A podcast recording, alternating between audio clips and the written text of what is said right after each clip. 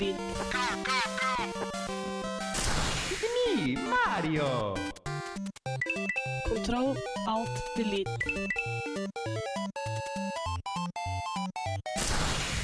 Unable to comply.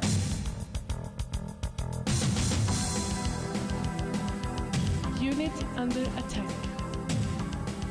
Auto shutdown. Sequence in progress. Ready to serve, my lord. Velkommen til Kontroll Alt Elite, Radio Revolt sitt spillprogram. Nå har høsten endelig begynt, så vi kan se på været ute, og det betyr at det kommer masse spill i butikken. Alle i Kontroll Alt Elite nå kommer til å ha to anmeldelser av sendingen her nå.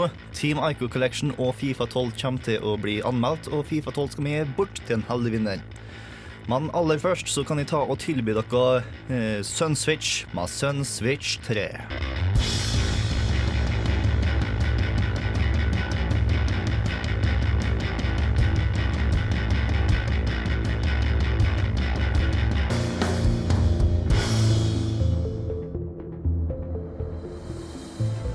Commander Shepard, and this is my favorite show on the Citadel. Og hva show er det? Jo, det er Kontroll Alt Elite.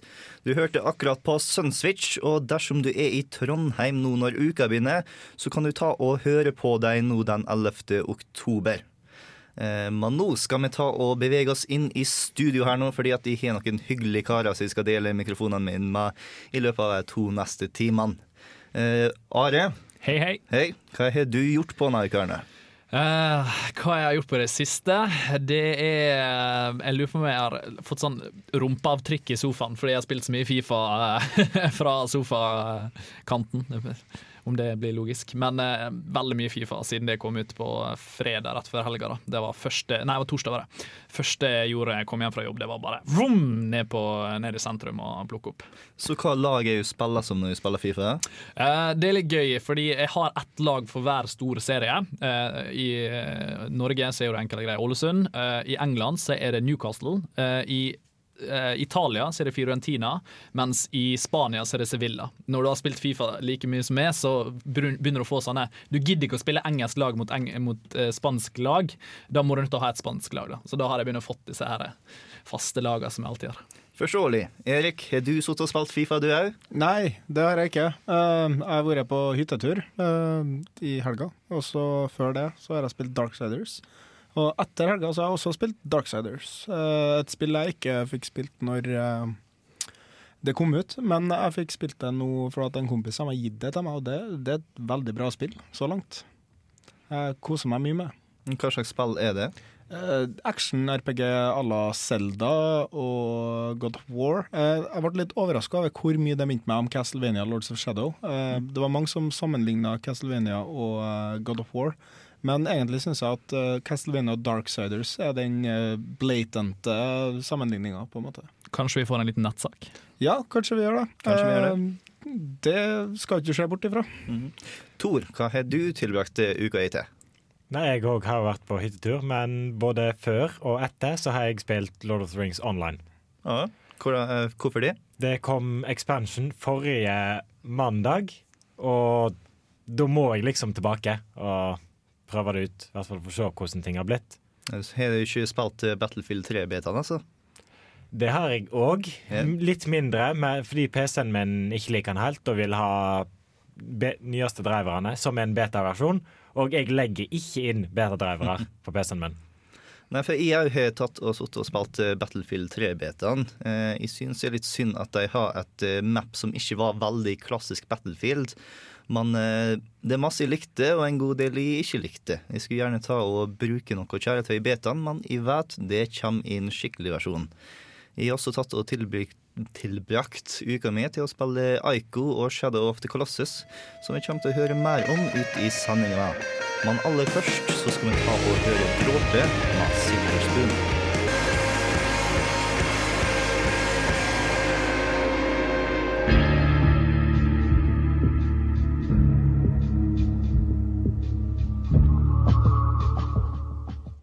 Og nå skal vi ta for oss ukas nyheter. Og vi tar og er ganske så lokal aller først, og holder oss her med gode gamle Norge.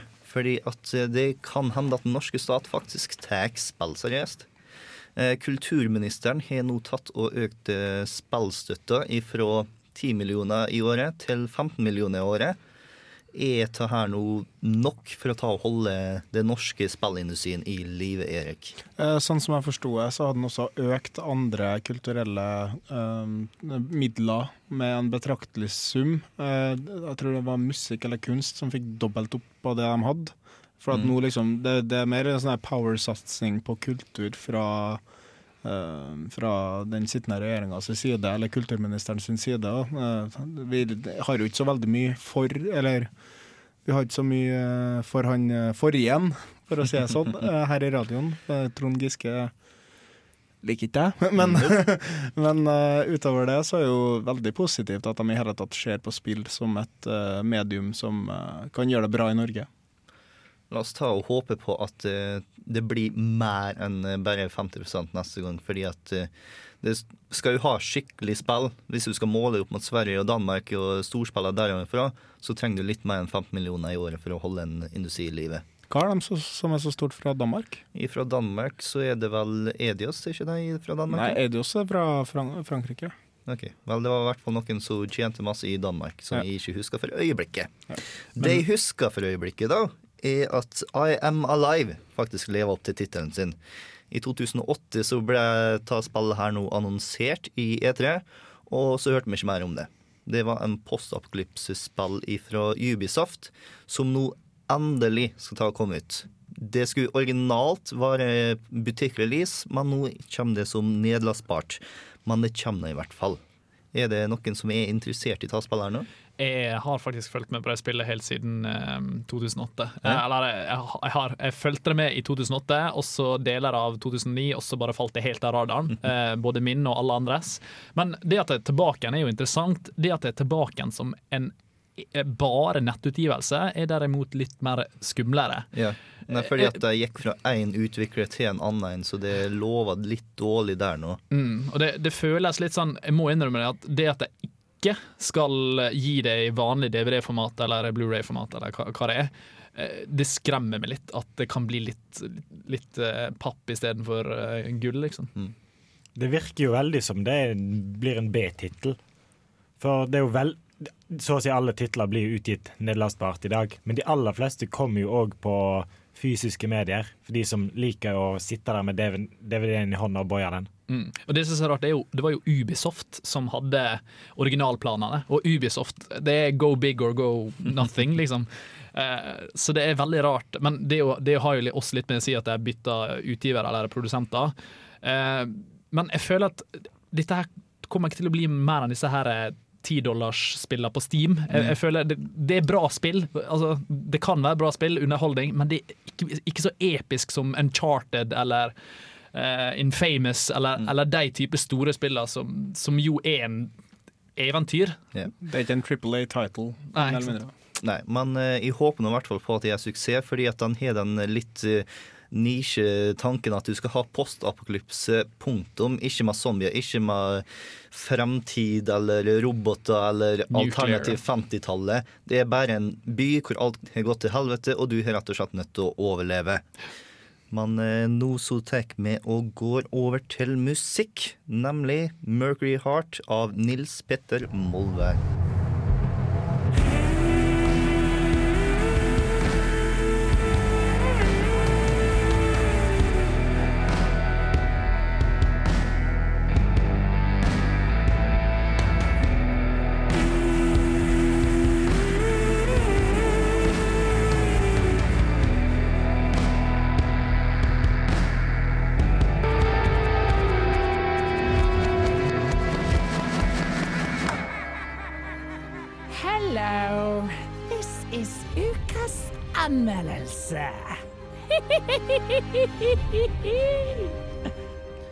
Og som sagt så har vi nå to anmeldelser denne uka her nå. Eh, Are har gått ut av studio akkurat nå og gjør det finishing touches på Fifa 12. Men mens han holder på å gjøre det, så skal vi sitte her nå og kose oss med The Team Ico Collection. The Team Ico Collection er en samling av to eventyrspill som først kom ut på PlayStation 2, men som nå har kommet i HD på PlayStation 3. Disse to spillene Ico og Shadow of the Colossus kan beskrives på mange måter. De kan beskrives som moderne klassikere og som kultspill. Vil du være ekstra fin på det, så kan du beskrive dem som kunst. Men jeg, jeg velger å beskrive dem som fokuserte Zelda-opplevelser. Aiko, som er full av Zelda-puzzles, handler om at du skal ta og rømme fra et gigantisk slott sammen med ei søt jente, samtidig som du tar og løser puzzles og beskytter henne imot skyggemonster. Shadow of the Colossus, som er et spill kun med bossfights, handler om at du skal ta og bekjempe 16 giganter av episke proporsjoner sammen med din stolte hingst for å ta og redde sjela til din elskede. Spillet klarer uanstrengt å gå ifra veldig rolig til ekstremt intenst, med hjelp av god gameplay og fantastisk musikk.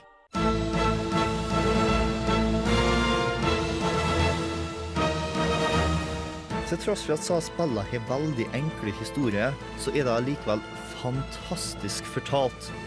Ikke gjennom cutscenes, ikke gjennom dialog, ikke gjennom tekst, men gjennom følelsene du føler når du gjennomfører noe i spillet. Da tenker jeg spesielt på skyldfølelsen du føler når du myrder en kjempe, og kameraderiet du føler for kompanjongene dine, til tross for at du aldri ser noe mer enn 'kom hit' til deg. Denne fortellermetoden er noe andre medier ikke kan ta og kopiere. Film kunne aldri fortalt disse historiene. De eneste mediene som kanskje har kommet seg nærme, har vært eventyr og maleri. Og når vi først snakker om maleri, så kan vi gå inn på hvor utrolig vakkert så spillet her nå er. Det er riktignok ingen som kommer til å tro at det ikke kom på PlayStation 2 først, men det er heller ingen som kommer til å klage. For HD-en fremhever det som allerede var der nå. Utrolig vakkert design. Spillet er merkelig minimalistisk i sin bruk av enorm skala. Det er i de store, tomme katedralene og de vide, øde slettene at du merker hvor liten du faktisk er, og hvor ensom du er uten partneren din. Og disse spillene er noen av de få hvor det er verdt å bruke ordet cinematografi. For disse spillene klarer å bruke bildeutsnitt bedre enn de fleste filmer. For at dette skal være en skikkelig anmeldelse, så burde de nesten ta og klage på noe òg. Jeg kunne ta og klage på litt knotete kontrollere eller et kamera som ikke er særlig samarbeidsvillig, men jeg vil ikke. For det er ikke det du kommer til å huske når spillet er ferdig. Du kommer til å sitte igjen med genuine følelser. Derfor så vil jeg ikke kalle det en anmeldelse, men heller en anbefaling. En anbefaling til alle som er interessert når jeg beskrev spillet. En anbefaling til alle sammen som liker eventyrspill. En anbefaling til alle sammen som er interessert i debatten er spillkunst. En anbefaling til alle sammen som er interessert i spillnarrativ. En anbefaling til alle sammen som sitter og kjeder seg med en PlayStation 3. En anbefaling til alle som liker gode spill. Og en anbefaling til du, kjære lytter. Og dersom du trenger et nummer til en anbefaling her nå, så anbefaler jeg til styrken av 9,5.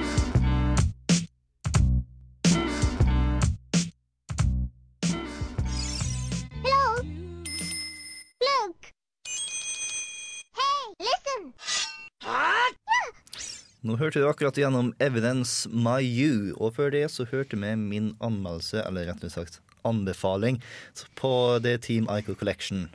Og ble jeg noen som ble frista her i studio av dette her nå? Ja, um, jeg har lenge planer om å hadde, hadde planer om å kjøpe uh, den collectionen, for at uh, det er to fantastiske spill. Jeg har bare spilt uh, bitte litt av begge toene. Men én ting, liten tidbit. eh, Mhm. Du kan jakte i Shadow of the Colossus. Du kan gjøre det hvis du absolutt vil, så kan du Ja. skyte på noen fyrfisler. Ja, og uh, harer og rådyr, tror jeg. Det skal ikke si for sikkert. Det jeg satt er fisk, eh, og et par hauker. Så du kan Ja. faktisk eh, hekte fast på og holde fast i et halvt minutt. noe sånt. Ja, det visste ikke. Det er en trophy. Mm. Stilig. Eh, men det er et eh, nydelig spill. Uh, kjempegod musikk. Mm. Jeg har hørt mer musikk enn jeg har spilt spillet, for å si det sånn. Og det samme gjelder for Ico. Jeg elsker musikken fra begge spillene, selv om jeg ikke har spilt dem så veldig mye. Men uh, jeg kommer til å anskaffe meg den samlinga når jeg har muligheten. Ja, det hørtes veldig bra ut. Jeg må si, eller må si at jeg ikke har spilt noen av dem, men jeg har hørt en god del av musikken, og den Mm. er fantastisk bra. Ja. Eh, Det fine med disse spillene her nå er at de er hver ti timer lange.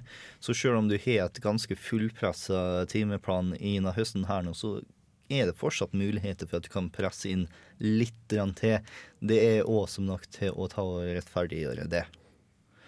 Men eh, er det noe mer vi burde ta og snakke om, om der nå? Det er jo det nye spillet som er i horisonten. Last Guardian Last er på vei, vet du. Tror du det kommer til å bli like bra? Altså, Med en sånn track record som eh, Ico har, så, eller Team Ico har, så jeg klarer ikke å forestille meg noe, ja, rett og slett. Mm. Det er dem som virkelig drar tar dytter på den linja som skiller eh, spill og kunst. Mm. Og jeg, er- hver gang de har eh, sluppet ut, eller de to tidligere spillene deres har vært så nydelige, og de tenker på en måte som presenterer det mediet som vi kjemper så hardt for. da. Eh, De presenterer en sånn fantastisk måte som kan rettferdiggjøre alt det fæle, på en måte, Ja. som også finnes. Det er bare så synd at vi har sett så utrolig lite av The Last Guardian. Jeg mener påstå at det ikke ble vist noe på TGS engang.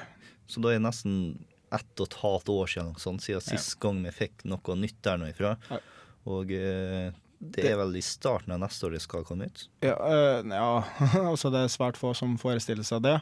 Det jeg ikke håper, er at vi kommer til å se det igjen på neste års E3. Eh, jeg, jeg håper rett og slett ikke. For at uh, det er et spill som det er veldig mange, særlig de som er spesielt interessert i spill og kultur, og litt dypere investert i den, uh, det, det her vi holder på med, som gleder seg utrolig mye til og kommer til å snakke veldig mye om det. Og jeg vedder på at vi kommer til å snakke ganske mye om det spillet når det først kommer ut. da. Ja, fordi at uh, spill er kunst, og vi mener i hvert fall såpass. Ja. Så når vi har et par bevis på det, så skader det ikke å ta og snakke om det. Men uh, nå skal vi ta og høre litt på Feist, så spør det How come you never go there?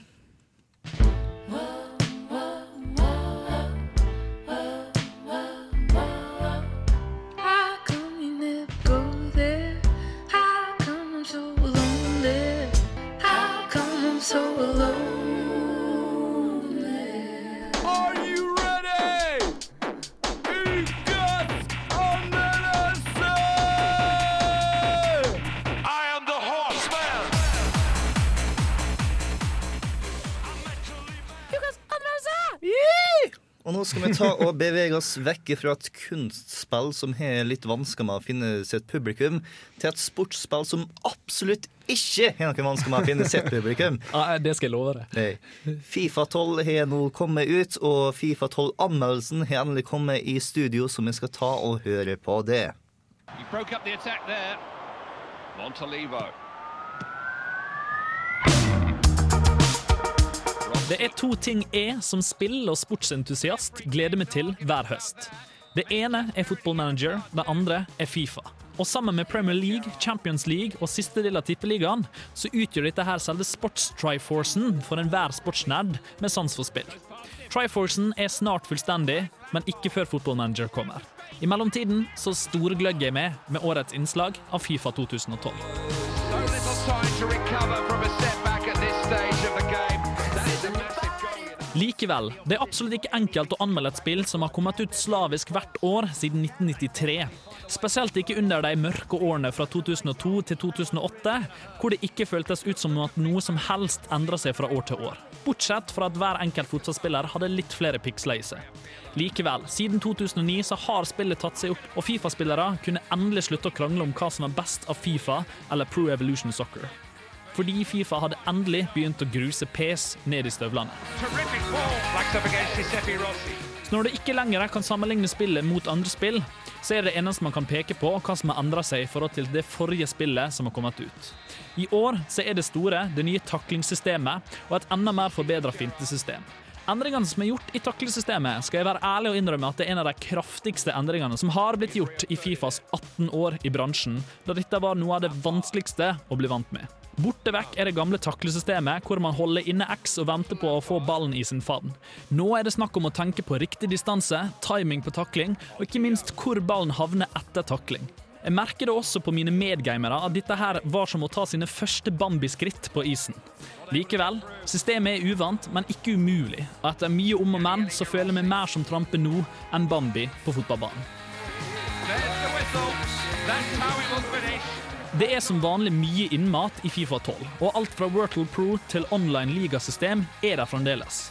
Det som kan merkes, er at selv om at alt er veldig likt, så er alt likevel veldig forskjellig.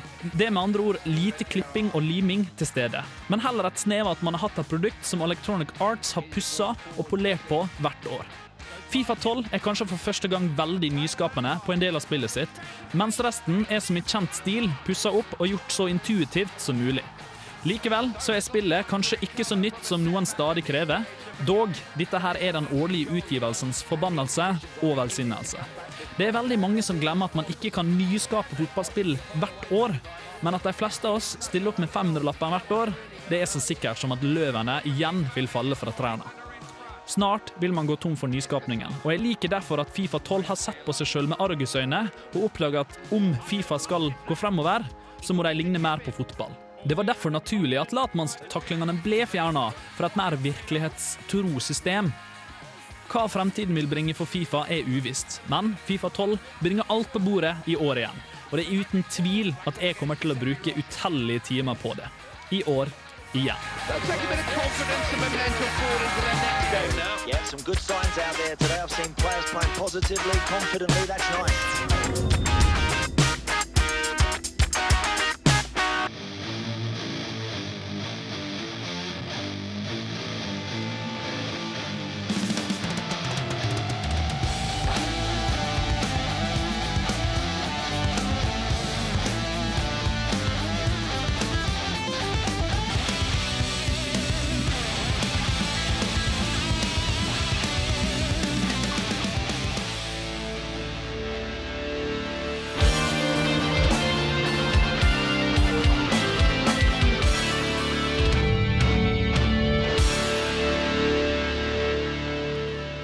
Hørte vi nå nettopp på Macedon, 'Curl of the Burl'. Og eh, enda tidligere enn det temaet så hørte vi på Fifa 12-anmeldelsen til en Are.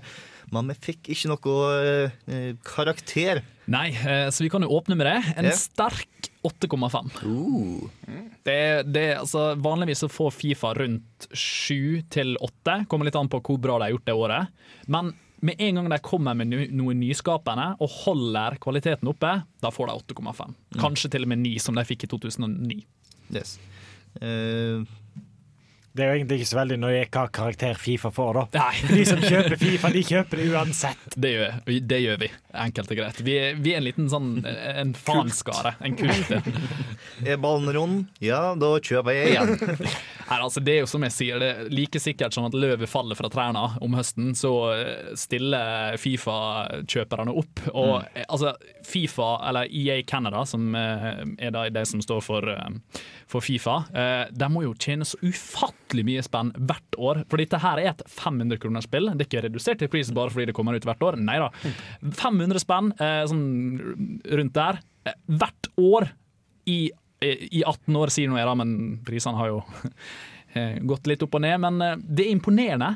Og likevel, noen ganger så er det alle dritmisfornøyd. Andre ganger så er de kjempefornøyd, sånn som vi var i 2009, da alt ble laga på nytt. I år så er vi fornøyd. Vi er forvirra. Eh, Pga. det nye taklesystemet som jeg snakker om, men det er ikke noe vi ikke kommer oss over. Hadde det vært umulig å overkomme, så hadde vi ikke likt det. Men det gjør vi. Ja, og det er vel sånn at Fifa gikk forbi Madden i verdens mest solgte sportsspill for eh, to år siden? Å ja, ja, ja. Det er lenge siden. Det er lenge siden, ja. Så det stemmer, det. Eh, For at utover Madden så er det jo ingen Det er jo NFL, kanskje. eh, Nei, NHL og Jeg skal ta og skaffe noen skikkelig salgstall og, og ta det opp en gang. Eh, For de uinnvidde så er Madden eh, spillet for amerikansk fotball. Du ser det ganske sjeldent i den norske butikkhyllene, akkurat som du ser Fifa ganske sjeldent i den amerikanske butikkhyllene. Merkelig, da. Det er feil. For det er vanvittig mange Fifa-fans i USA. Ja, det har å komme Det selger som hakka møkk der Det, òg. det som også er veldig interessant, det er at eh, boksarten til Europa, det har vi Rooney og Kaka, som er to veldig kjente spillere i Europa. Mens bort i statene så er det to meksikanere og Rooney eh, som er da på boksarten. Så det er veldig gøy å se. Ja, faktisk, så eh, det adapter seg. Mm.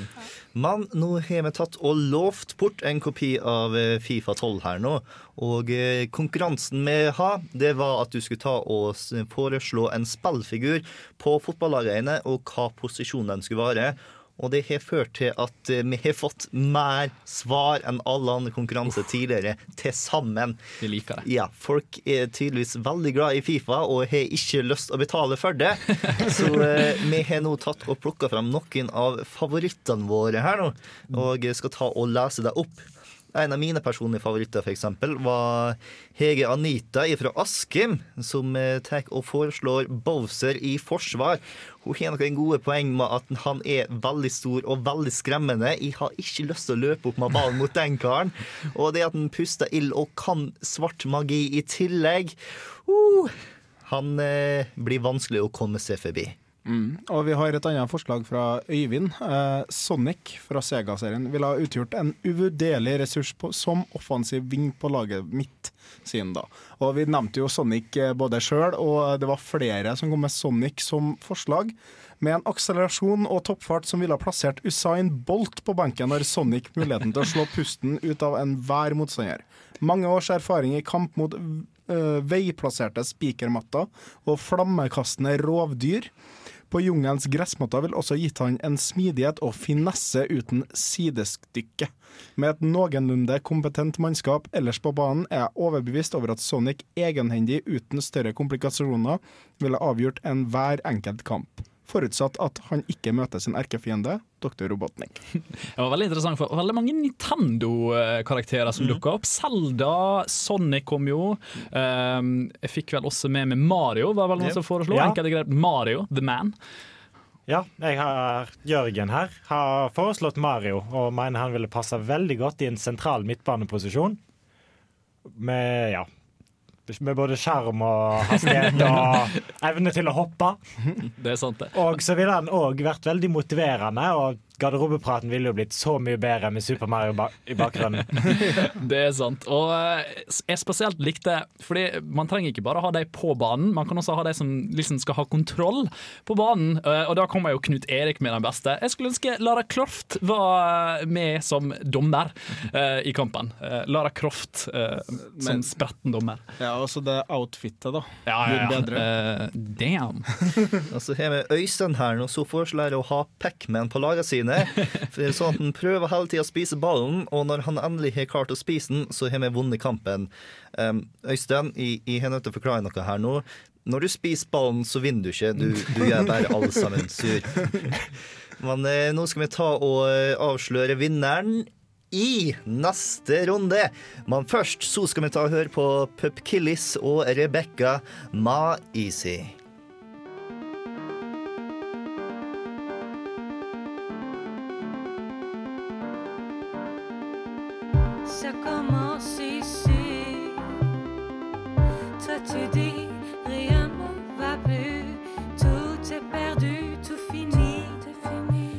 Pour moi ça commence ici.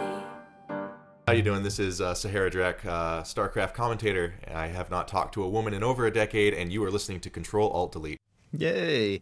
Og nå skal vi ikke ta og holde dere på eh, ventebenken lenger. Vi skal ta og finne ut hvem som faktisk vinner en helt gratis Fifa 12.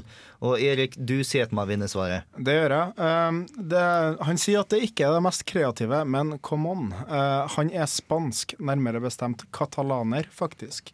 En religion, nei, region fylt med spesielt fo, fotballfokuserte spanjoler. Barcelona står det høyt bakom. Han snakker om Vega fra Street Fighter-serien.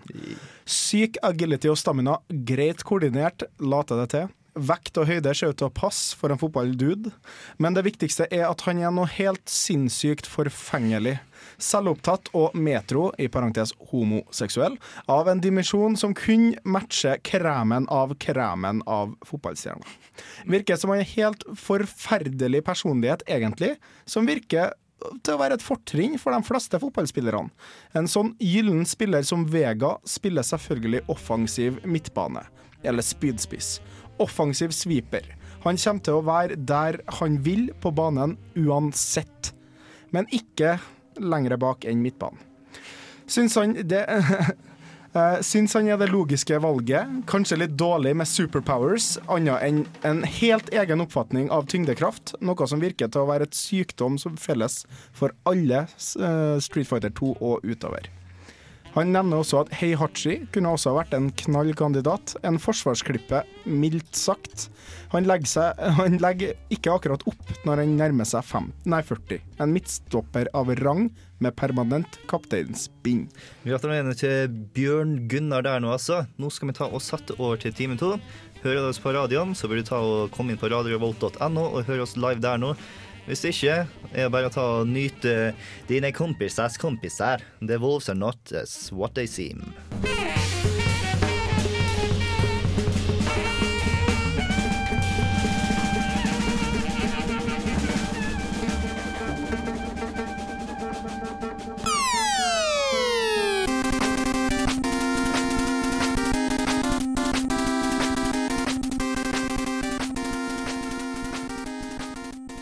Og da er vi inne i time to, kosetimen. Timen da vi tar det litt roligere.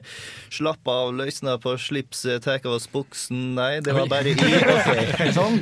yes. eh, hvis du tok og likte forrige sang nå med dine kompisers kompiser, så kommer de til å spille på uka nå mandag den 10. oktober.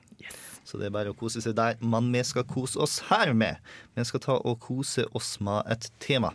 Temaet for denne uka her nå er retrospill på nye konsoller. For eh, her om dagen så fikk eh, 3DS-en helt gratis alle sammen fikk Zelda Forceward Adventures. Og da gjorde jeg litt matematikk, og det viste seg at eh, 3DS-en har mer Zelda-spill på seg enn nesten alle andre Nintendo-maskiner. De har nå Hvor mange var jeg kom fram til? Sju stykker. Bare slått av Nintendo vi som snart nå har ni stykk. Til tross for at de ikke har et eneste originalt Zelda-spill på seg. Eh, Jeg må bare si til dem som er interessert i det. eh, Robin Williams gjorde en, eh, en liten reklame for Nintendo og Zelda, for han har da navngitt sin datter Zelda etter spillet Zelda, eh, og da prinsesse Selda. Og det er ny igjen nå om, eh, om eh, Zelda Force, Ward, Force Words, hvor han har eh, da en liten sånn her eh, wager going on med dattera si, hvor de får slåss mot hverandre i Zeldas Forswords, og han ender faktisk med å barbere seg. Han hadde ganske tjukt og herlig gammelmannssverg. Eh, hvor blir det av tunga mi i dag? Eh, eh, skjegg. Og eh, han da barberer seg i slutten av reklamen. Det var stort nok til at du nesten forventa at han skulle si 'Take this, it's dangerous to go alone'. Ja, og i det skjegget sitt. yes. Men tilbake på temaet. Eh, all slags mulig art av gamle spill er det mulig å ta og spille på nyere konsoller nå. Eh, Virtual Console, PlayStation Network og Xbox Live tar og gir oss muligheten til å ta og kjøpe gamle spill. Allerede for et par dager siden så annonserte PlayStation Network at de vil ha PlayStation 2-spill nedlastbart tema der nå. Så du kan, nesten, nesten all, du kan ha nesten alle spill på PlayStation 3 nå. Sånn som jeg har forstått det, så kommer de til å komme med ni spill i måneden, hvis de følger planen sin. Eh, veldig bra. Eh, synd at de ikke har gjort dette før, for at den nyheten at PlayStation 3 kunne spille PlayStation 2-spill, har vært ute dritlenge. Eh, jeg syns det er rett og slett forkastelig av Sony at de ikke gir oss dette tilbudet tidligere, rett og slett. Den første PlayStation 3-en kunne jo spille fysiske PlayStation 2-disker. Men så fant de ut at produksjonsprosessen var for dyr, og det var for komplisert å bygge inn det hardware support. Og så ja, Men det, det de fant ut, var vel det at PlayStation 3 kan også emulere PlayStation 2-spill. Uh, altså at de trenger ikke en egen leser på de eh, DVD-ene, mener jeg, uh, som eh, PlayStation 2-spill ble laga på, men de kan emulere det eh, sånn som vi bruker en Super Nintendo-emulator for en PlayStation, nei, PC, liksom. Kan de emulere det og da lage, ned, lage nedlastbare spill. Og det var en, eh, en hacker som fant ut, som laga til og med eh, en emulator til. Og da visste Sony det for kanskje to år siden, men fortsatt har de ikke gjort noe til med det før nå. Nei, fordi at nå kan jeg faktisk ta og tjene penger på det. Ja. Merkelig er det nå. Hmm. Yes. Men det er ikke bare nedlastbare gamle spill vi kan ta og oppleve gamle minner på. Vi kan også ta og komme borti remastering av spill, sånn som vi snakka om tidligere i dag med Aiko Shadow of the Colossus, som var en remake av en ni år gammel spill allerede. Aiko. Og så har vi bakoverkompabilitet, som jeg ikke klarte å si skikkelig her nå, så vi kan ta og spille gamlere konsoller på nyere konsoller. Og så til slutt så har vi remaken, som er sånn halvveis retrospill der òg. Som har tilgangen til Ja.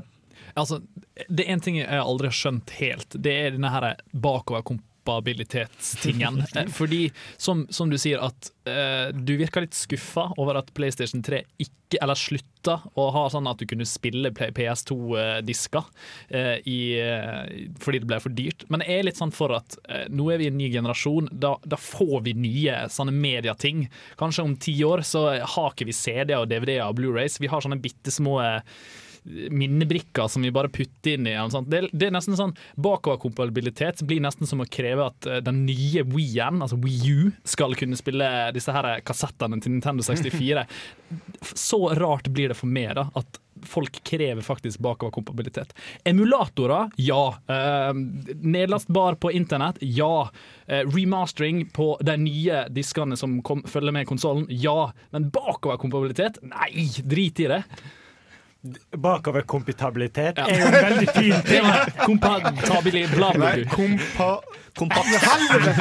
Jeg har tunga med meg. Kompresjon. Sånn at det Yes! går an å spille dem eh, på gamlene. Jeg er tydeligvis den eneste i, Ja, ja, i studio som klarer å si det. Kompabilitet, ikke det? Teknisk bakspeil. Kompatibilitet Nei, nå, er stokker jeg òg. Da bare skipper vi det. Uansett. Du har poeng inn der nå. Andreplassen. Ja.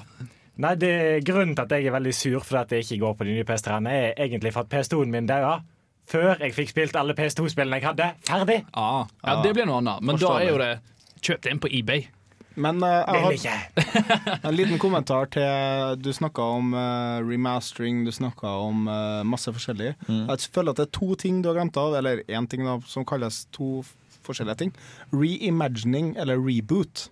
Vel, det, det, der har jo litt remaken der nå. Da er det ikke de gamle spillene ut. Men- men- spiller man Men en remake så tar du et gammelt spill og gjør det om til et nytt spill. Yeah. Mens en reboot så starter du en serie på nytt. Ja, For eksempel Castlevania Lords of Shadow. Ja, men du eh, Castlevania Lords of Shadow er ikke sammen til å, ta og spille retrospill på nye maskiner. Jeg tenkte mer på sånn at vi kan ta og gå tilbake til de da vi ikke kunne ta og spille de spillene, f.eks. Jeg eide ikke en uh, Nintendo Entertainment System, men jeg kan nå ta og spille flust med Ja. Nes-spill på både Vi og 3DS-en på grunn av det. Eh, eh, nå tror vi skal ta og bevege oss litt mot det mer musikalske hjørnet. Og ta og høre på OC Remix sin remix av Nei, nei, det er det ikke. Det er ikke det. Jeg er ganske Eller ser jeg galt nå? Du Ja, det gjør jeg. Ja. Det er OC OC det er en OC remix. Det er en OC remix. Beklager alle Alt er feil oppi scrollen. Ja, jeg vet hva, jeg fungerer ikke. Ja, yes. Mann, så mye prøvde å si, OC Remix med Final Fantasy 9.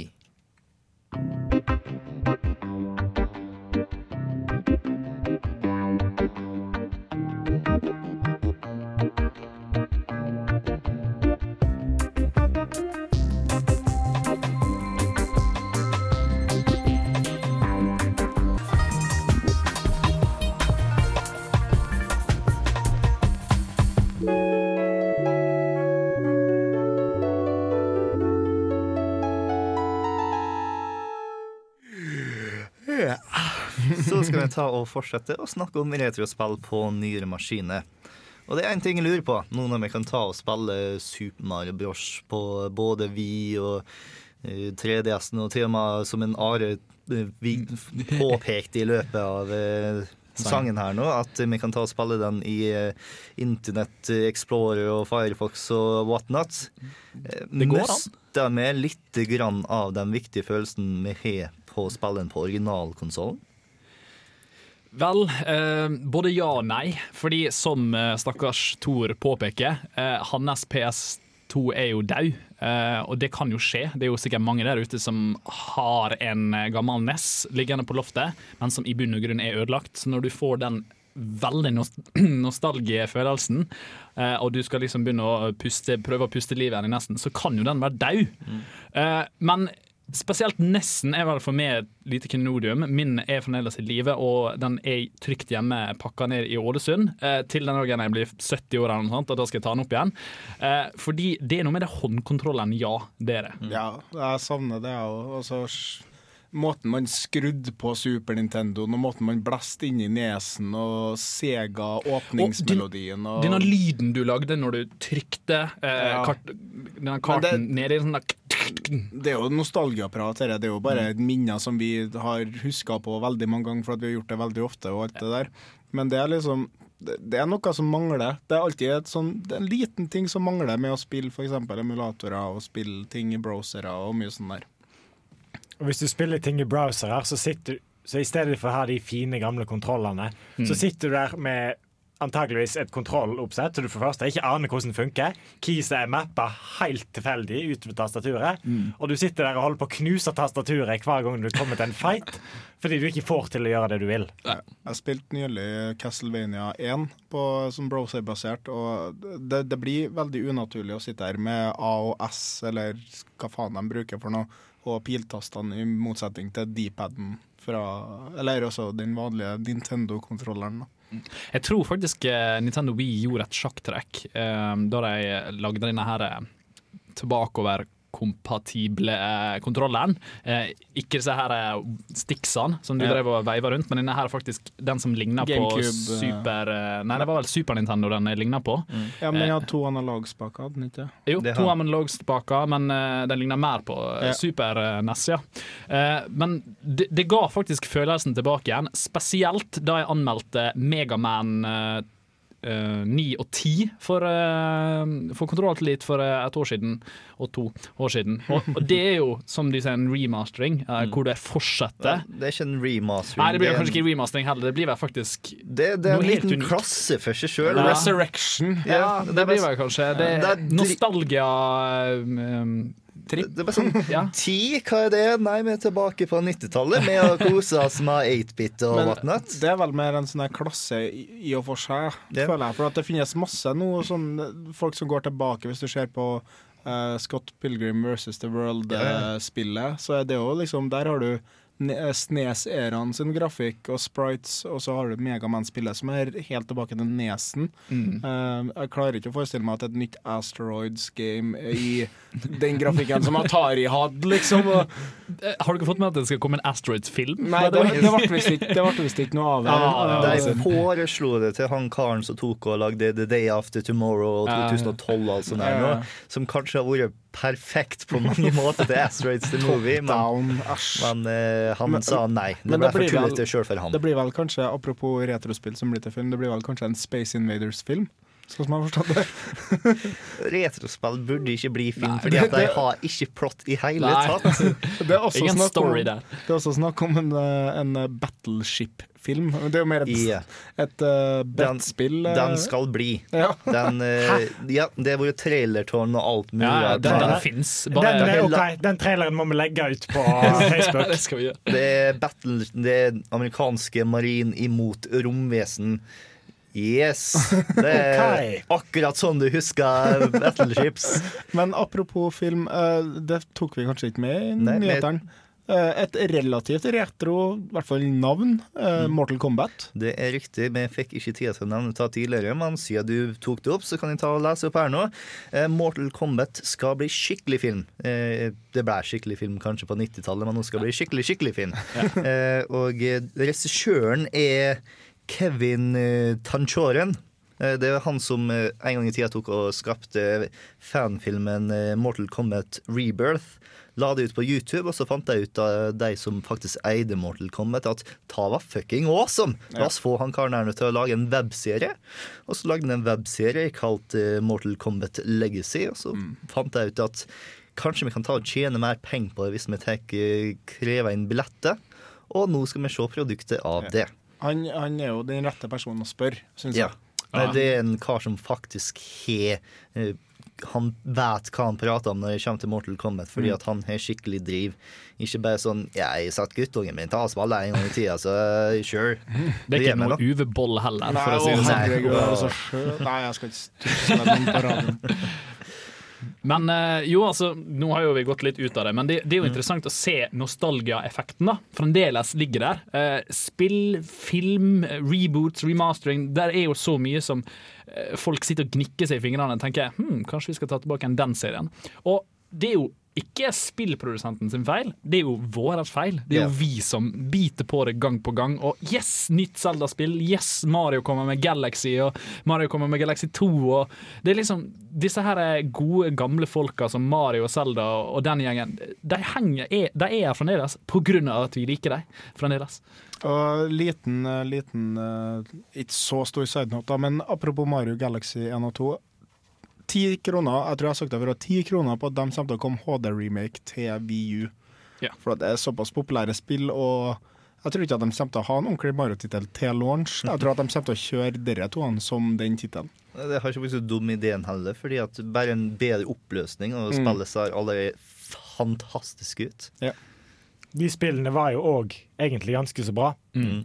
Og da kjører hvis de klarer å skalere de opp skikkelig, og får sånn skikkelig fin HD-grafikk, så kan det bli fantastisk bra. Mm. Men for all del, hvis dere hører på oss, ikke skalere opp grafikken og ignorer lyden!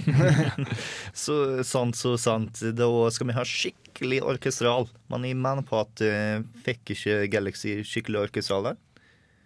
Jeg mener faktisk på at de, de kjente bort Marma ordentlig ordentlig orkestral, så det hørtes ganske så fint ut. Eh, Men det er jo veldig også interessant å se på, for jeg nevnte jo nettopp Megaman, som jo fikk en eh, hva, hva var vi kom frem til at det var? Det var en slags fortsettelse med samme grafikk, samme Ja. spillemåte. Det var De ignorerte tida, rett og slett. de, de, de dro tilbake igjen til 80-tallet og ga ut et nytt spill der. Istedenfor å ta noe fra 80-tallet og gi det ut i 2009, så dro de tilbake igjen til 80-tallet eh, og, og lagde det der. Og, og det ble jo kjempepopulært. eh, Blant annet jeg, som har spilt alle Megaman-spillene 100 ganger og kan det ut og inn. Jeg sleit skikkelig med å vinne. Ja, det var eh, vanskelig. Det var så vanskelig, og det var liksom i ekte ånd. Og det er litt kult at folk eh, kan gjøre sånt og gå tilbake og si ja, her, jeg vet dere på 80-tallet så var dette her, this was the shit. Vi har ikke tenkt å lage noe nytt fancy grafikk 3D, 3D med brille 3D og spill. Vi, vi skal rett og slett bare gi dere det dere har lyst på. Ja. Og når vi, kommer, når vi er på Capcom, uh, da jo også ut Street Fighter 2 Turbo HD remake. Uh, Capcom er jo da kjent for å være den største hora i spillbransjen, eller mindre. Med, med å nå komme ut med den fjerde installasjonen av Nei, jo. Fjerde installasjonen av Street, Street Fighter 4.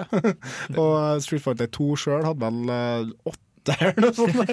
Jeg husker ikke. Men, It's eh, overnight, men det, hvis Capcom av en eller annen formodning hører på, vær så snill, Megaman X eh, 13, eller hva det blir for noe. Bare remake av Megaman X i Megaman X sin ånd til nyere gamere som aldri ble introdusert for tittelen. Det spørs om eh, Megaman i hele tatt kommer til å fortsette. Ja. Noe som KG i IFU, eller hvordan du sa til navnet her nå, bestemte seg for. Nei, dere har ikke laga noe sjøl, og så eh, Vet du hva, Jeg skjønner den godt. da Ja. Det virker som om eh, Megaman Universe var noe han ikke hadde lyst til å gjøre. Eh, så, og det, var- det var heslig grafikk på det. Det var, den ene promotraileren var litt morsom, men utover det så var jeg, jeg syns ikke det så så spennende ut.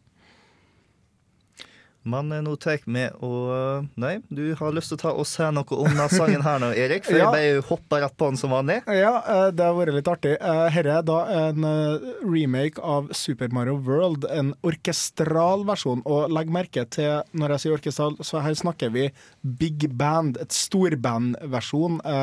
Tenk Frank Sinatra, tenk digert, men ikke minst, hør på den.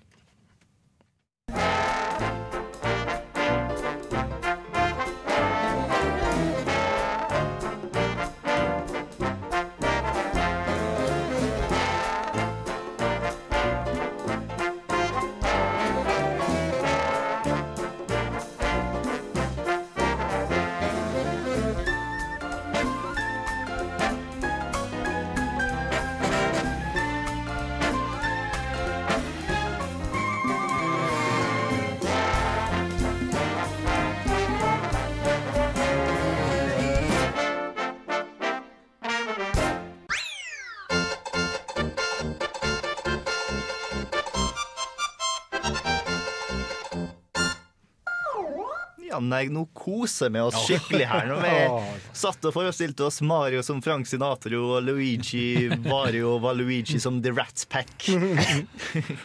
Ja, det var en nydelig, nydelig sang. Yes, og det bringer tilbake gode, gamle minner. Og eh, når vi snakker om retrospill, så har vi nå endelig muligheten til å dele så gode, gamle minner med andre folk.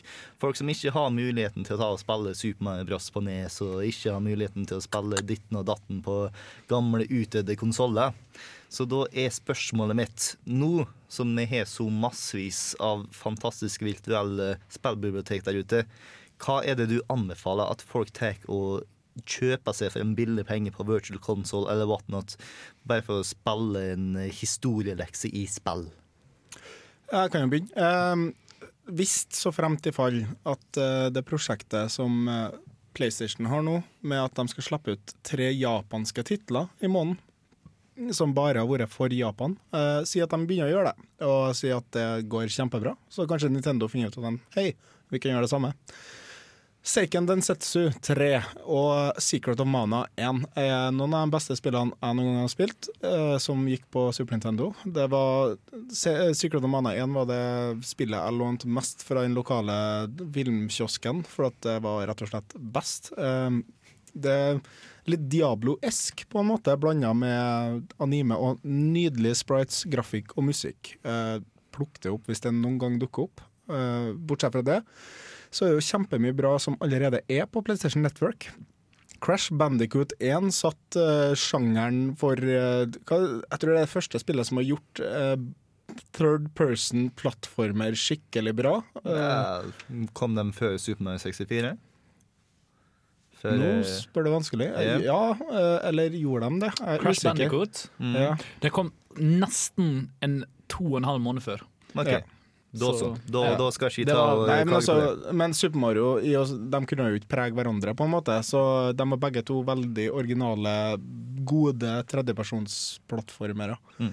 Og hvis du ikke har spilt Super Mario 64, spill Super Mario 64. Ja, absolutt. Det, det er som å spille Zelda Ja. eh, og Ocarina of Time, selvsagt.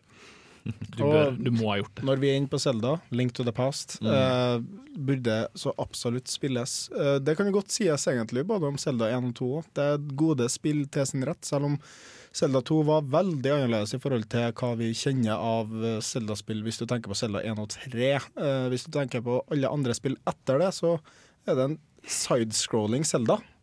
Eh, litt rart for dem som ikke er vant til det, men eh, et veldig godt spill for det. Absolutt. Og så eh, selger damene seg for en bøtte med vann. Ja. Eh, De to spillene kan du ta og finne for en billig penge på virtual-konsollen til Mm. Wien, og etter hvert på virtual-konsollen til 3DS-en. Are, har du noen gode forslag? Å ja. Uh, på jeg, har, jeg glemte å dobbeltsjekke om det ble solgt på Steam, men det blir solgt der ute i alle fall, til en veldig billig penge. Sist jeg sjekka var vel 87 spenn, eh, norsk da, og, eh, sånn oversatt. Civilization 3, Uh, Oi, oi. det spillet som er mest eh, likt av eh, den største fanskaren. Uh, er til salg for 89 spenn, eh, og det er liksom et spill du bør ha spilt hvis du liker Civilization. Hvis du liker Civilization, men du bare har spilt fire eller femmer. så Nei, nei, da er ikke du Civilization-fan. Du må liksom ha spilt det. Det, det er faktisk et dritbra spill.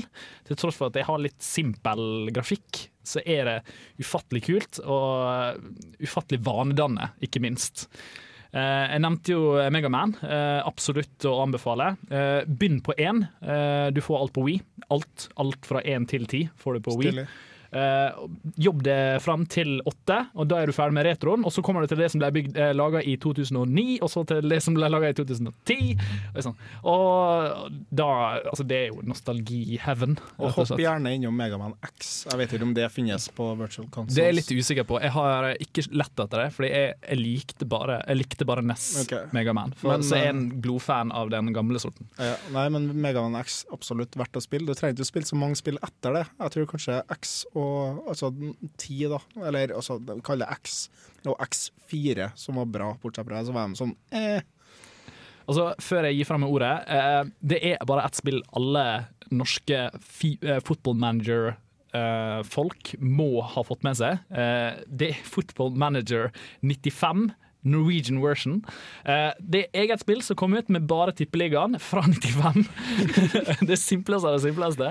Jeg husker jeg spilte det, og det var ufattelig gøy. Det var mitt første møte med Football Manager. Og dette her er noe helt unikt, for det var første gangen Norge hadde sin egen sesong. og sånn. Det var noe sånn prøveprosjekt hvor de prøvde med Sverige, Norge og Danmark. Eh, det solgte dritlite. Eh, det var ikke populært i det hele tatt. Football Manager overlevde jo som en serie, men det er noe Hvis du har Altså, jeg aner ikke hvor du skal få tak i det. Forhåpentligvis er det noen som har lagt ut det til piratkopiering, for jeg tror faktisk det er det eneste måten å få tak i det. Kanskje noe finn.no, eller, Ja. Eller hvis du har det kanskje liggende bakerst i hylla, eller noe sånt, ta det ut, spill det. Det er dritgøy. Ja, nei, jeg kom jo litt seinere inn i den spillverdenen enn de andre i studio, tror jeg. Og begynte da på PC. Så jeg har ikke så veldig mange forslag til konsoller. Men det er jo alltids Battlefield 1942 og Vietnam er flotte spill å ta fram. Det det. For spiller 1942 og står der fem stykker på vingene til et fly, og så flyr rundt, og så sirkler litt over en plass. Der så det fint ut, og så hopper du ned. Er det et gammelt multiplayer-spill jeg er ikke overrasket over fortsatt har en community, så er det Battlefield 1942. Hey, Counter-Strike, yo. Ja, det er sant. Counter-Strike er jo- har en stor Men, men det, det Sikkert har- også Unreal. Det er seigliva. Ja, er ikke det herregud. fremdeles på 1,6? Jo, Eh, det, er kom jo ut Source, men Det er fortsatt folk som spiller 1,6. Ja. Det er jo sånn i CS. Jeg har, jeg har for så vidt alle spillene sjøl. Men det når Source kom, så begynte det masse nye folk å spille. Og de er liksom sånn Jeg ser Source, det er så mye bedre å ha finere grafikk og Nei, det er feil! Du bryr deg ikke om grafikken på CS. Nei. Skal du spille CS, så spiller du 1-6. Ferdig. altså, hvis du spiller Counter-Strike, og du har tid i det hele tatt til å stå og stirre på grafikken, da spiller du faen meg ikke Counter-Strike på en riktig måte. Enkelt og greit. Da, da er du first death hver gang. Ja, og det var jo mange når 1.6 kom som fortsatt sverga til 1.5 og ikke kom ja, til å patche opp, liksom. For at det er to nye våpen, de er liksom dårlige og sånn.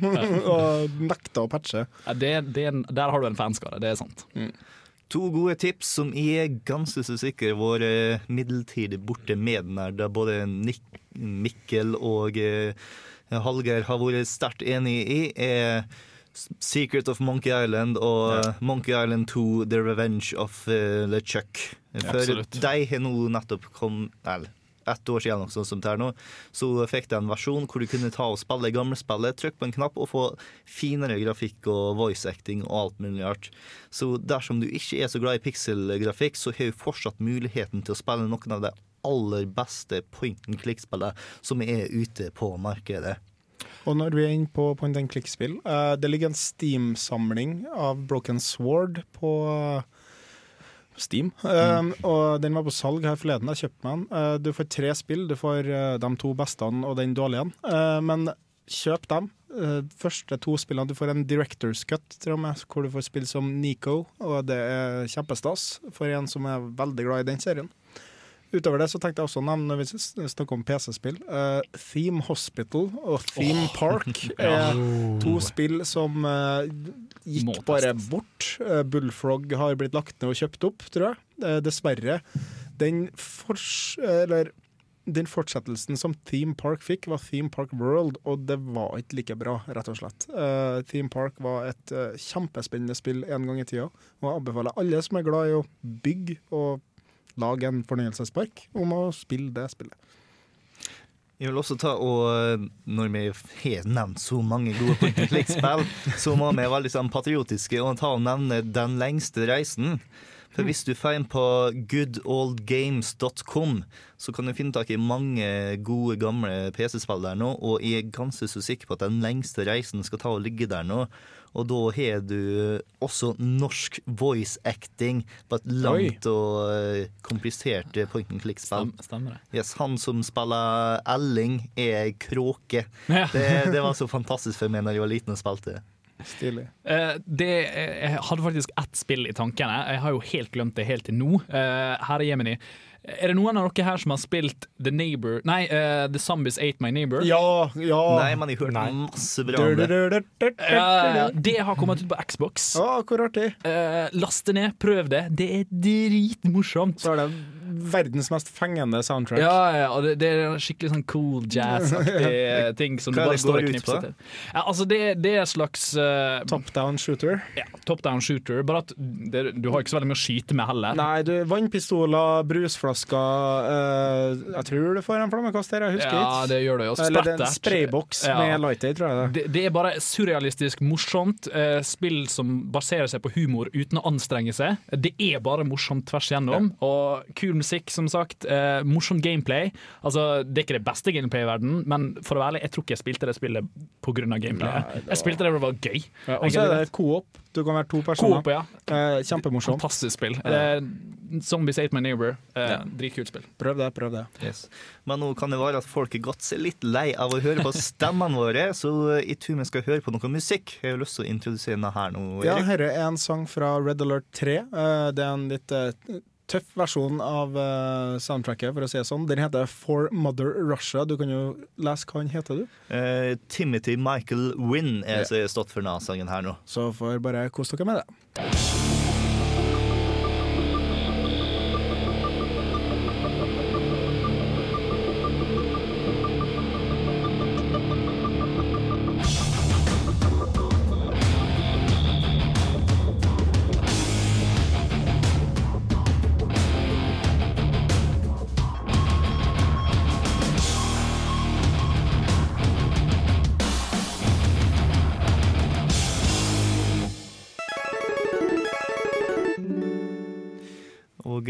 Har vi tatt og diskutert veldig masse retrospill her nå, men det vi har ikke diskutert ennå, er hva er den beste måten å bringe et retrospill tilbake på. Er det med å ta bare og rett og slett porte det opp sånn at du spiller på den gode gamle måten med en billig penge, eller er det å remastere så du kan ta og se bedre på spillet, eller er det bare å remake sånn at du ser det i den moderne eh, både grafikk og gameplay? Det som har blitt populært, er jo det å gjøre det litt bedre eh, hva skal jeg si, grafikkmessig. Eh, men det er også mye sånne nye translations og sånn her. Og det er jo i og for seg greit, det. For mye av det beste kom jo fra Japan en gang i tida. Og eh, jeg sier det med fullt overlegg, for det gjør ikke det noe lenger, rett og slett.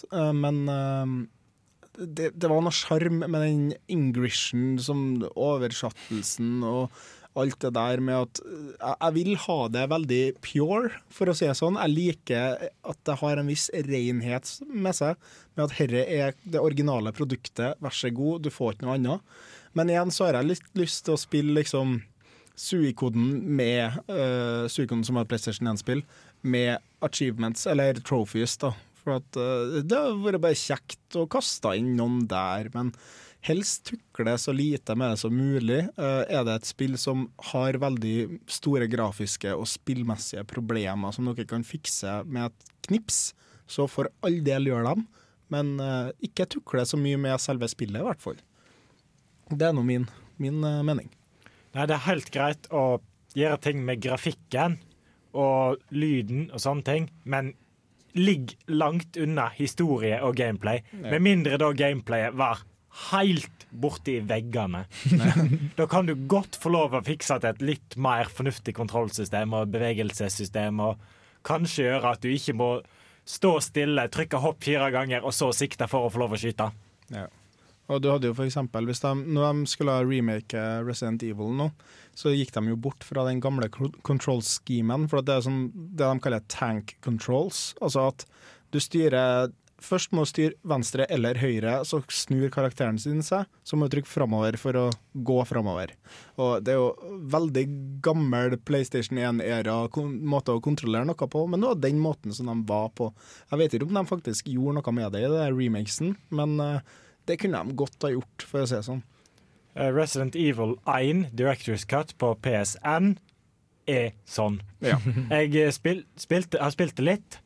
Jeg har irritert meg uendelig mye Ja. Over de teite kontrollene. Men igjen så tenker jeg det var jo på en måte litt sjarmen, for at du følte sånn virkelig håpløshet når du skulle snu pistolen til den zombien. Og hvorfor snur du ikke deg fortere, Kis? Og du måtte liksom først bare vinkle deg inn, og så måtte du vinkle deg inn litt til, og så kunne du skyte. Liksom, det stakkars zombien. Jeg regner med at den remaken det var snakk om her nå, var ikke Directors Cut, men uh, GameCube-remaken som kom yeah. for et par år siden, som uh, ikke så altfor langt tilbake i tid også kom på eh, Nintendo Wii og ligger i backloggen min. Så eh, kanskje om en år eller noe sånt, så kan jeg svare sikker på å ta spørsmålet her nå. Min eh, mening om, om rett og slett eh, sånn, som du sier, viderebringe det, det Jeg har sagt det mange ganger, jeg sier det igjen, Megaman. Eh, hvordan de har gjort det originalt. For det, Hvor kult hadde ikke det vært å få et oldtime-aktig Monkey Island-spill? Eh, kan godt ha denne her litt remastera grafikken, som du sier, eh, men at de faktisk plusser på. Uh, og ikke må nødt til å skape noe nytt som skal appellere til kidsa. Uh, fordi en sånn type nostalgiaspill eh, Enten så må du gå helt nytt og satse på kidsa og få nye gamere, eller så må du appellere til den gode gamle, de som spilte det for 20 år siden, og som fremdeles digger det og skulle ønske de hadde kunne spille det på nytt. Bare ja, noe nytt. Eh, fordi jeg kan jo spille Megaman to så mange ganger jeg vil, men til slutt så blir det kjedelig. Da jeg fikk 9 og 10, derimot, helt nytt, helt nytt, helt nytt, men likevel kjent og kjært, nostalgisk. I like it. Nei, jeg har veldig mange favorittspill fra gamle dager som faktisk har kommet ut på nytt med hjelp av remastering men en forbedra grafikk. Monkey Island, eh, som jeg anmeldte for et par uker tilbake, Zelda Green of Time gjorde det helt fantastisk der nå. Nå eh, HD-remixen av Shadow of the Colossus og alt mulig rart. Og eh, Metroid Zero Mission. Alle sammen tok og beholdt gameplay, beholdt alt sammen som gjorde spillet til spillet, og la på en vakrere overflate som gjorde alt sammen så masse mer behagelig å ta på til å spilles. Så eh, det å beholde sjelen man tar og får til å se bedre ut, tror jeg er det viktigste når vi skal ta og få et nytt spill, et gammelt spill nytt. Eh, mye av det har jo også med det at eh, produksjonen av sprites, både på 8-bit og 16-bit og alle bitsen, var ganske tidies, Altså, den var vanskelig. Eh, det å lage sprites og animere dem og alle de forskjellige animasjonene i forhold til det man gjør nå med 3D-modellering og bevegelsesteknikk der, eh, det, er, det tar like lang tid, og det er mange utviklere som ikke vil rett og slett gjøre det, fordi at å lage et retrospill, altså et helt nytt retrospill, sånn som Capcom gjorde med Megaman 9 og 10, det er tidskrevende, og er, produksjonskostnadene er like høye som om å lage et liksom relativt likedan spill. Men hvis man tenker på f.eks. Uh, Bionic Commando Rearmed, som også er en sånn reimagining av et gammelt spill, så var jo det òg mottatt veldig godt, eh, fordi at det var rett og slett vanlig Bionic Commando, eh, bare med bedre grafikk. I motsetning til Bionic Commando punktum, som kom ut på Xboxen, som var alt annet enn gammel Bionic Commando. My wife is my arm! Jeg kunne tenkt meg, for nå hadde jo masse sånne Castlevania-spill, sånn Aria of Shadow og alt sånt, som ble litt mer 2D um, action-adventure enn det ble vanlig standard Castlevania. Jeg kunne gjerne tenkt meg en helt vanlig standard Castlevania istedenfor dem òg, selv om det er veldig gode spill. eh, Så har det vært veldig stilig å se en ny Castlevania på, på eh, en dig digital download eller noe sånt. Der. Det som også er kult å se, det er jo at eh, det fins spill som virkelig har gravd seg fast i, i røttene til folk. Blant annet, nå kommer jo det et nytt Dota-spill, eh, Dota 2, lagd av Valve, eh, skaperne av Half-Life. Så det, det, det er weird, men det er liksom Det er en appell, og, og folk er nysgjerrige som faen. Og det er en grunn til at det er Diablo 3 eh, som kommer, her, og folk er jo Folk får jo stå eh, Stående akt eh, klar for å, for å liksom kjøpe Diablo 3 så snart det kommer ut. Og det er liksom Det er noen som virkelig har grodd seg fast, og så er det andre som er det er en serie, og så dessverre så stopper det der. Eh, Psychonauts, hva skjedde med Psychonauts? Eh, hvorfor fikk ikke det en oppfølger? En, en remastering, en remake, en reboot, hva som helst? Kan jo trekke inn et nyere spill der òg. Dice og jeg, hvorfor? Hvorfor fikk ikke Mirror's Edge? En oppfølger! Men det kommer jo, det kommer jo. Har de sagt det skal komme? Ja, jeg mener at de Det er har det er inntatt- sagt som man har aldri vist. Ja, men eh, du har jo også Beyond, and good, eh, Beyond Good and Evil. Ja, de kom kom ut. Eh, det kom jo. Det har jeg ikke fått spilt. Jeg skulle egentlig anmelde, men something came up. Eh, men det er jo er jo et sånn Hva skal jeg si En juvel, Mm. sånn som jeg har forstått det. Ja, det er faktisk et spill som er, viser veldig hvor, hvor rart et ett spill kan ta tak og bare Ja, dette her må vi ha mer av. Yes, men nå har vi snakka så masse om retrospill at vi har begynt å snakke om framtidens retrospill, så da tror jeg vi slår strek der nå. Nå skal vi ta og høre på Light Up The Night av Protoman. Har du noe smart å si om det, Erik? Eh, det er et album basert helt ene og alene på Megaman sin historie. eh, litt reimagined, men eh, det har absolutt ingenting med Megaman å gjøre, på en måte. På en smarthetsskala ja, 7,5 av 10. ja.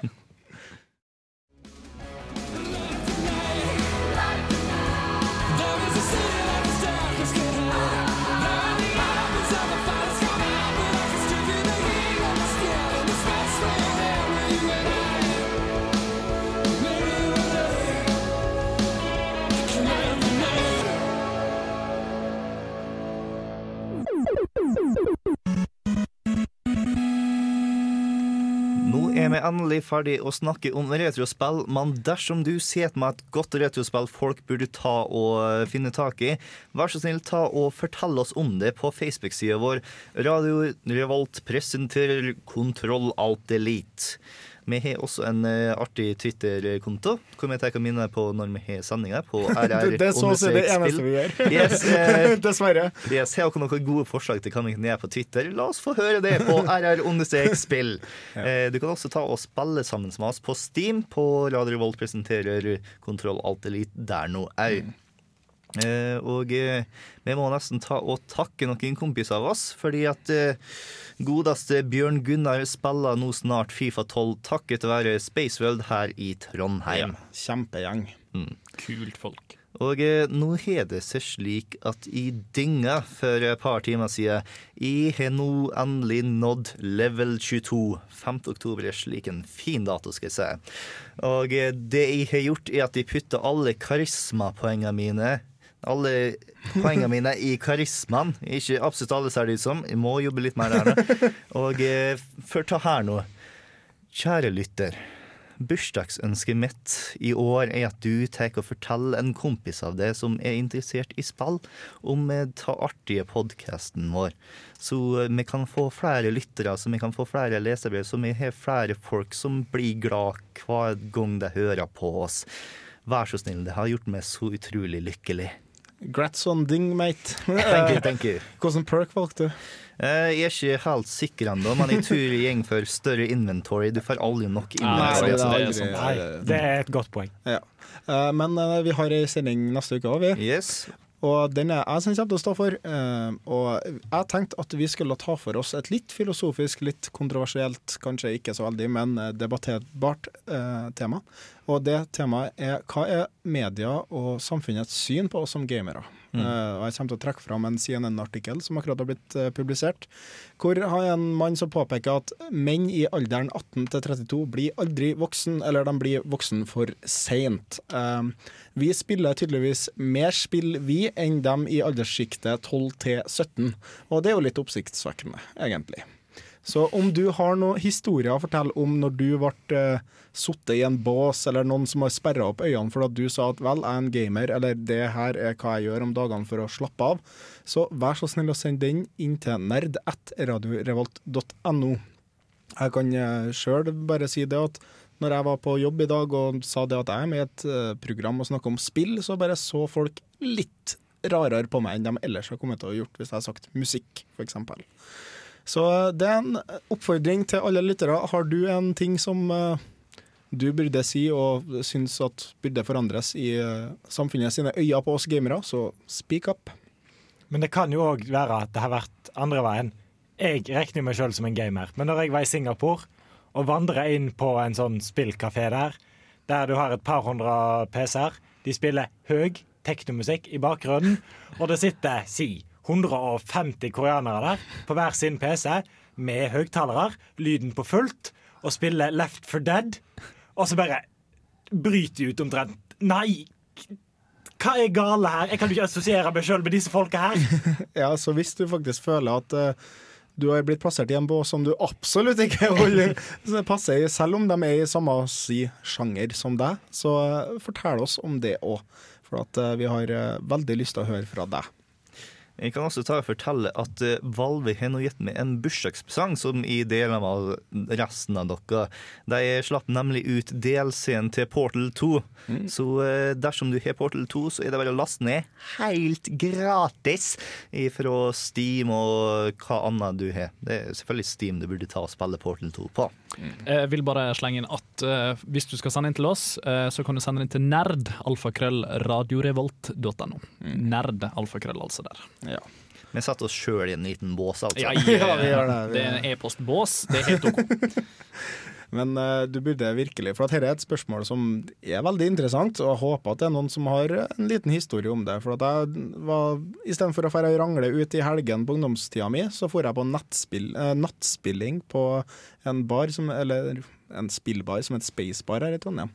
Det ble jeg satt litt i bås på på ungdomsskolen, for at jeg ikke var og drakk hjemmebrent som alle andre friske trønderske ungdommene. Det hørtes awesome ut. Ja, det var dritawesome. Jeg bruker nå ofte helger hjemme hjem at- etter en godt spille, så eh, alkohol er ikke nødvendig for å ha det artig.